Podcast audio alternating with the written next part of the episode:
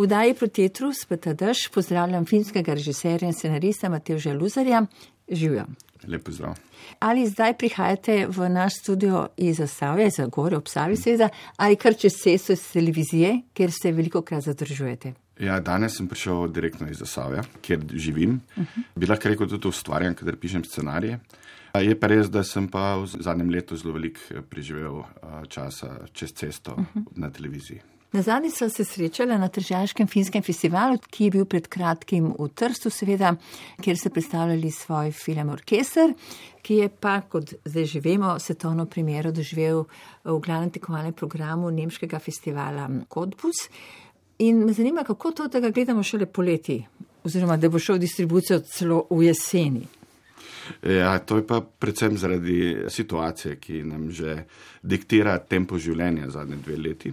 Naša želja je bila, da bi film prišel v redno kinodistribucijo že lansko jesenjo, vendar je situacija tako eskalirala, smo se odločili prestaviti na bolj ugoden čas. Naša želja je, da ljudje lahko neobremenjeno gledajo film, da se zabavajo zraven. In z producentko Petro Vidmer smo prišli do ideje, kaj če bi ta film prikazali pod milim nebom oziroma na odprtih projekcijah, kjer bodo ljudje lahko bolj sproščeno gledali filme. No, pa seveda, Mateoš Luzer, film bo v tem času do takrat gotovo doživel še svojo to filmsko pot. Definitivno film nadaljuje svojo pot po festivalih. Naslednja postaja naša je festival Fest v Beogradu, ki je meni en ljubših festivalov in se prav veselim svoj film tam pokazati. Torej, v filmu ste seveda režiser, ampak prvenstveno pa scenarij, ne? vso zgodbo, vse ideje eh, so vaše in kot vem, kot sem spremljala vašo filmografijo, vas ta scenaristični del spremlja tako rekoč že iz študentskih časov, če ne režirate film, pa pišete scenarij oziroma ste ko scenarist in tako dalje. In ta dar pisanja, ne, to je nekaj posebnega. Ja, ta dar pisanja vedno sem nekako tudi uh, ustvarjal že v srednješolskih časih pisoč, ampak nekako eh, vse to se mi je pa poklopilo z pisanjem za film. Tako je po srednji šoli sem se udeležil scenaristične delavnice Pokaži jezik, ki jo je organiziral Zdravko Duša. Tam sem ugotovil, da je to medij, v katerem se lahko mogoče fajn izražam. Ne samo kot eh, recimo režiser, ki bi režiral film, ampak predvsem tudi kot scenarist. Ker pri scenaristiki mi je najbolj všeč to, da ko pišemo scenarij, na nek način ga režiramo, ga gledamo prvič in je neka taka forma, ki je sicer nedokončana, ker dokončana je, ko se posname film, ampak je zelo hvaležna forma in je v bistvu forma, kjer ti sanjaš film. No, sanjali ste ga v srednji šoli tudi s kamero, ne? A, definitivno. Ja. V srednji šoli sem ustvarjal kratke filme s svojimi sošolci, čist. Uh, slučajno sem padel v to in nekako so šolci posneli svoje prve filme in jih pošiljal na festivale amaterskega filma, kjer sem pa že takrat dobil neke pozitivne odzive, tako od občinstva, kot tudi eh, od žiri, ki so podeljevali nagrade. No, vi ste posneli že celovečerne filme, ogromno kratkih filmov, mm. ampak tali film, kje se ta je pa prav iz jedra vašega bivanja, vašega življenja in tudi v filmu samem nastopajo nekateri člani družine, nekateri znanci, prijatelji. Ta film ni nastal kar tako, oziroma scenarij. Uh, definitivno. Ta celotna zgodba gre v bistvu šest let nazaj, gre v čas, ker sem razmišljal, kaj bi bil moj naslednji celovečerni film. Vedno so mi kolegi režiserji ali pa profesori na akademiji govorili, da daj posnami film iz svojega okolja, da je nared film o tvojih knapih. In sem rekel, vedno, ko bo prišla prava ideja, bom posnel ta film. In potem se je nekako poklopilo s tem, da sem leta skupaj z mojo ženo, ki je sicer bila umetniški vodja Zagorskega okteta in Zagorski oktet je potoval z orkestrom, ne samo po Sloveniji, ampak tudi po Evropi. In tako prišel do ideje za film Orkester. Hkrati je pa zelo veliko družine od moje žene, tudi članov tega orkestra. In sem dejansko črpal iz svojih izkušenj, iz izkušenj članov ansambla in nekako je to vse prišlo v film. Ste bili kdaj zares na takem gostovanju skupaj, da ste vse to podoživeli v tem scenariju? Ne samo enkrat, bil sem večkrat na gostovanjih. Tako Spomnim se gostovanja na Ohridu, kjer je potekalo cel teden skupaj z orkestrom, potem na tekmovanju pred tremi leti, eh, ko smo začeli pripravljati film, sem se odločil, nekako rekel, da bi bilo super, da bi ožja avtorska ekipa izkusila to gostovanje, to, kar sem jaz izkušal zadnja leta, ko sem hodil z njimi. In dejansko smo šli na tako gostovanje, na tekmovanje na Gardsko jezero, kjer je orkester takrat v mednarodni konkurenci osvojil prvo mesto. Ker je bilo meni pomembno, da v orkestru nekako lovim ta duh, to brezkrbnost, to atmosfero, atmosfero ki se zgodi na samem gostovanju. Sam pomnim samo par nekaj filmov, ki so poskušali ali pa uspeli to uloviti. Meni je bilo pa zelo pomembno, da ulovim to na način, kako to doživlja slovenski orkester, uh -huh. kako to skozi te zaplete in te dogodke pride tudi slovenski karakter, slovenska mentaliteta in vse nekako bazira. Zdaj, nekdo bi lahko film poimenoval komedija. Jaz ga vidim ja, kot komedijo, vidim ga tudi kot dramo, vidim ga tudi kot uh, satiro mogoče. Čisto odvisno, v, v katerem delu filma smo.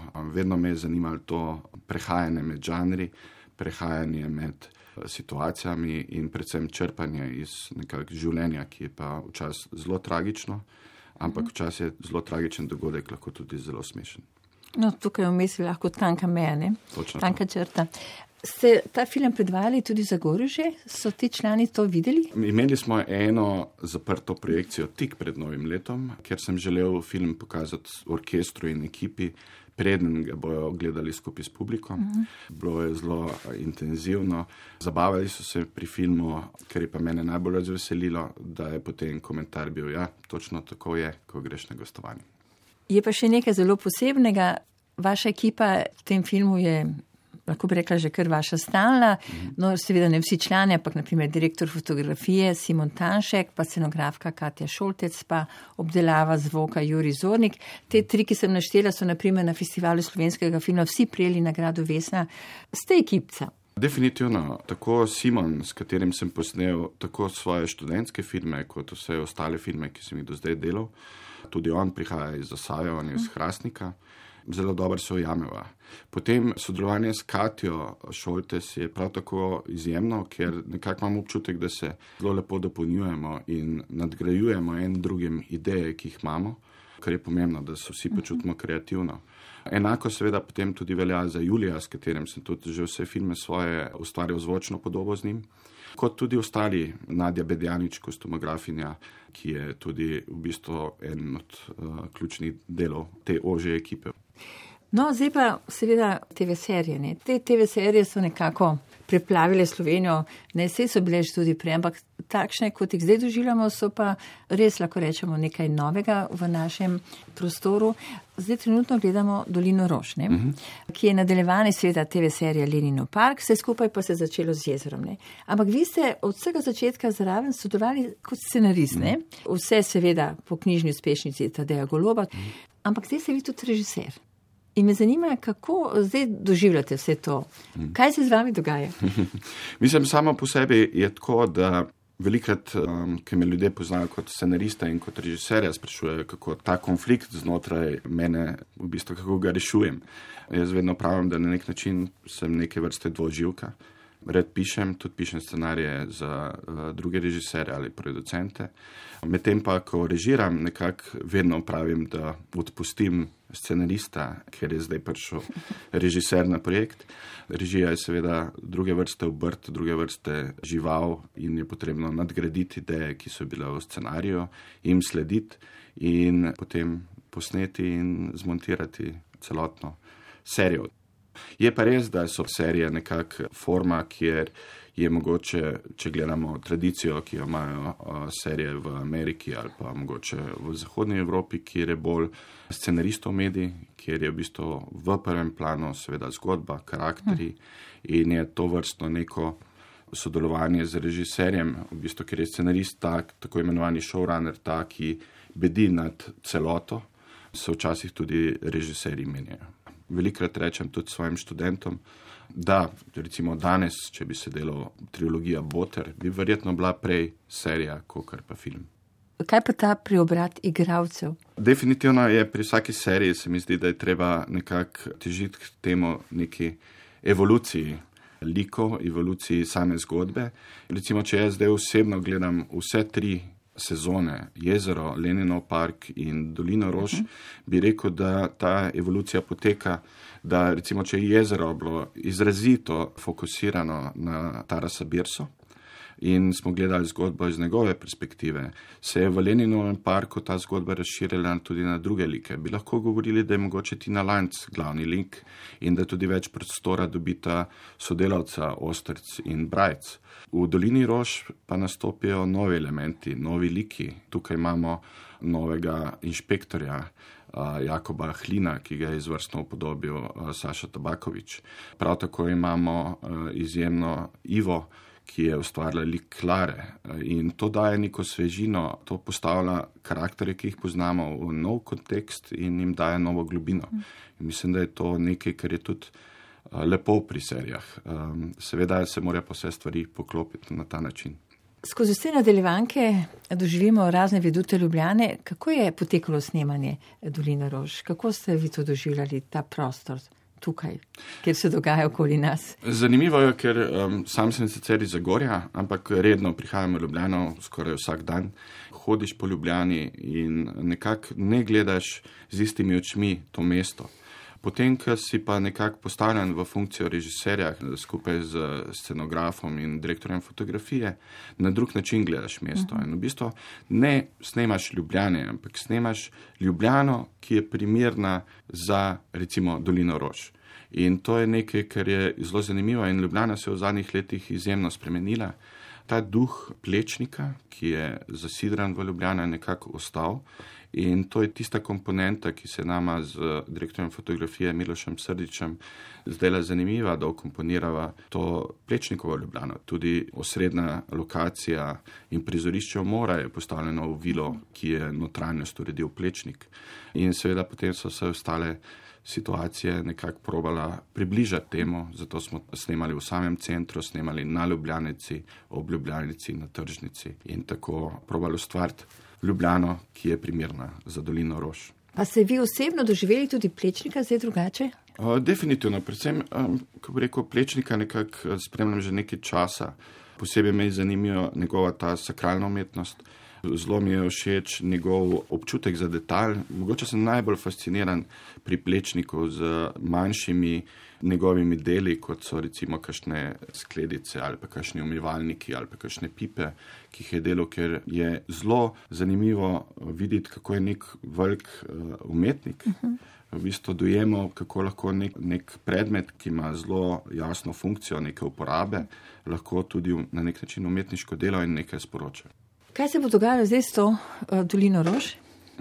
V, v ponedeljek pride na program zadnja epizoda uh -huh. Doline Rož zaključila se bo, zaključila se bo novo poglavje. Zelo vesel sem, da je rezultat takšen, kot je, ker je v, v smeri tega, kar smo planirali in poskušali narediti. Všeč mi je, da je odziv dober. Upam, da se bojo še naprej snemale dramske serije, ne samo kriminalke, ampak mogoče tudi popolnoma dramska serija, mogoče politična, mogoče komedija. Mislim, da si vsi želimo to, ne samo mi, ki ustvarjamo to, ampak predvsem tudi slovenski gledalci. Pa ste sami tudi velik uh, ljubitelj dobrih TV nadaljevank? Definitivno zelo red gledam dobre nadaljevanke. Vem, da tudi pred vem, sedmimi leti sem se začel poigravati z mislijo, zakaj to vrstnih nadaljevank ne delamo tudi v Sloveniji. Uh. -huh. Predvsem zaradi tega, ker ima televizija Slovenija bogato tradicijo nadaljevank. Vsi se spomnimo Dekamerona, vsi se spomnimo naše krajovne skupnosti in tudi meni ljubih malih oglasov. Sveda je bilo še več serij narejenih, ki so mogoče danes uh, malce pozabljene, mogoče tudi krivično pozabljene. Mislim, da kot gledalec uživam v serijah ali gledam slovensko serijo ali tujo. Mislim, da je to neki medij, kjer se tudi kot avtor želim nekako izraziti. Delam pa ločnico med tem, kaj je TV serija ali kaj je film vi ste zapriseženi filmar in uh, zanimivo pa je, zato to vse skupaj omenjam, kakšna je vaša pot bila na ta AGRFT, torej na akademijo, ne za režijo, ki ste na vsak način želeli študirati. Opravili ste spremni spičele pri tretjem poizkusu. In medtem ste šli celo študirati na drugo univerzo. Potem pa kar nekaj ta bum, ne? bili so kratki filmi, seveda študentski filmi, potem pa Vučko, ne? Ki je prijel toliko nagrad, vi ste bili takrat stari 26 let, uh -huh. sem zračunala nominacijo za študentskega Oskarja. Veliko drugih nagrad, naprimer na festivalu slovenskega filma je Eugen Car, ki se ga tudi potem imeli v filmu Srečen za umretne, prijel vesno za najboljšo moško vlogo, potem prejme na tem festivalu tudi nagrado za najboljši študentski film, pa potem seveda Zlatolaska za režijo in pa Grossmanova za scenarij in ne vem, mogoče sem kaj izpustila, ampak tega je bilo toliko, ampak ne samo Vučko, tudi vsi naslednji filmi. Ne? Kako danes gledate na te vaše tri ponesrečene poizkuse, oziroma dva, ne, tretjem vam je seveda potem Ja, uspelo. definitivno. V tistem obdobju, ko sem poskušal priti eh, na študij režije na akademijo, moramo vedeti, da to so bili drugi časi, kjer je akademija sprejela samo dva do tri študente na filmsko režijo in je bila konkurenca velika. V bistvu, ko pomislim, seveda imaš občutek neke krivice. Ta krivica, ali pa mogoče v narekovajih bom rekel krivica, ni utehtala te želje. Jaz sem res imel to močno željo, da bi rad delal filme, da bi rad ustvarjal v filmski umetnosti. Ker nisem bil sprejet, sem študiral teologijo, ker mislim, da mi je dodala to še neko širino, tako v filozofiji kot sociologiji, psihologiji. V tem umestnem obdobju sem se pa intenzivno ukvarjal z scenaristiko. To je bilo obdobje, ker sem začel zelo veliko pisati kratkih scenarijev in nekako uh, me je to dejansko to obdobje scenaristično mogoče najbolj definiralo takrat. Potem, ko sem pa delal tretjič sprejemne na režijo, je ta želja v meni prešla v neko odločenost. Odločenost, da bom bil režiser, bom režiral filme, bom delal filme, ne glede na to, ali bom sprejet na Ljubljansko akademijo, ali bom šel študirati na kakšno drugo akademijo, ali bom pa preprosto delal filme. To je bila neka ta odločenost. V vsakem primeru sem bil pa zelo vesel, ker mi je uspelo prijeti na ta študij, uh -huh. ker sem dejansko imel prvič občutek, da lahko študiram nekaj, kar me res veseli. In ta štiri leta na akademiji so mogoče bila najbolj formativna leta za mene kot režiserja. Imel sem zelo raznolike mentorje. Če pogledam danes nazaj, sem vesel, da je naš letnik v bistvu bil zadnji letnik, kjer je imel profesorja Klopčiča za svojega mentorja. No, tudi on je študiral najprej arhitekturo, pa potem. Tudi on je film, najprej študiral arhitekturo, tudi on je potem šel v film, on je tudi svojo mladost preživel v Zagorju. Sva In tudi on velikrat- se ukvarja s športom, tako kot vi. Ja, tudi on se ukvarja s športom. Zelo velikrat sva govorila o Zagorju, o, o ljudeh v Zagorju in je v bistvu nek tak lep spomin na Matjaža, ne samo kot mentorja, ampak tudi kot človeka. No, tega leta, ko je bil Vučko, ne, to je bilo 2007, mm -hmm. Tudi nastopate v filmu Petelini Zajtrk, skratka, vedno ste bili nekje zraven ne? mm in potem seveda vsi ti scenariji sodelujete z Miho Hočevarjem ne? pri filmu Gremo mi po svoje. Ne? Ne, najprej se je najno sodelovanje začelo pri televizijskem mladinskem filmu Distorzija, kjer sem jaz delal adaptacijo mladinskega romana o punk bendu. Uh -huh. In tako so se takrat z Miho Hočevarjem prvič spoznala, skupaj sodelovala pri scenariju in potem tudi pri samem snemanju, ker sem bil njegov uh -huh. asistent režije. In potem seveda nadaljevala tudi pri filmu Gremo mi po svoje. Potem sodelujete tudi pri filmu Slovenka, ne? Uh -huh. Damjana Kozoleta. Ja, pri filmu Slovenka me je Damjan povabil k sodelovanju pri pisanju scenarija. To je bilo še obdobje, ker sem sam bil še študent na filmski režiji in me je zelo veselil, kako je ta film v bistvu dobil odzive pri mednarodnem občinstvu in koliko distribucije je imel po različnih državah. Dekleta ne jočejo, ne? če ste bili pa režiser in scenarist. Uh -huh. Film, ki je nastal v bistvu kot TV film za igrani program televizije Slovenija. Predvsem pri tem filmu me je zanimalo nekaj, kako v spredje postaviti um, ženske like, od katerih ne pričakujemo, da bodo to naredili, kar naredijo.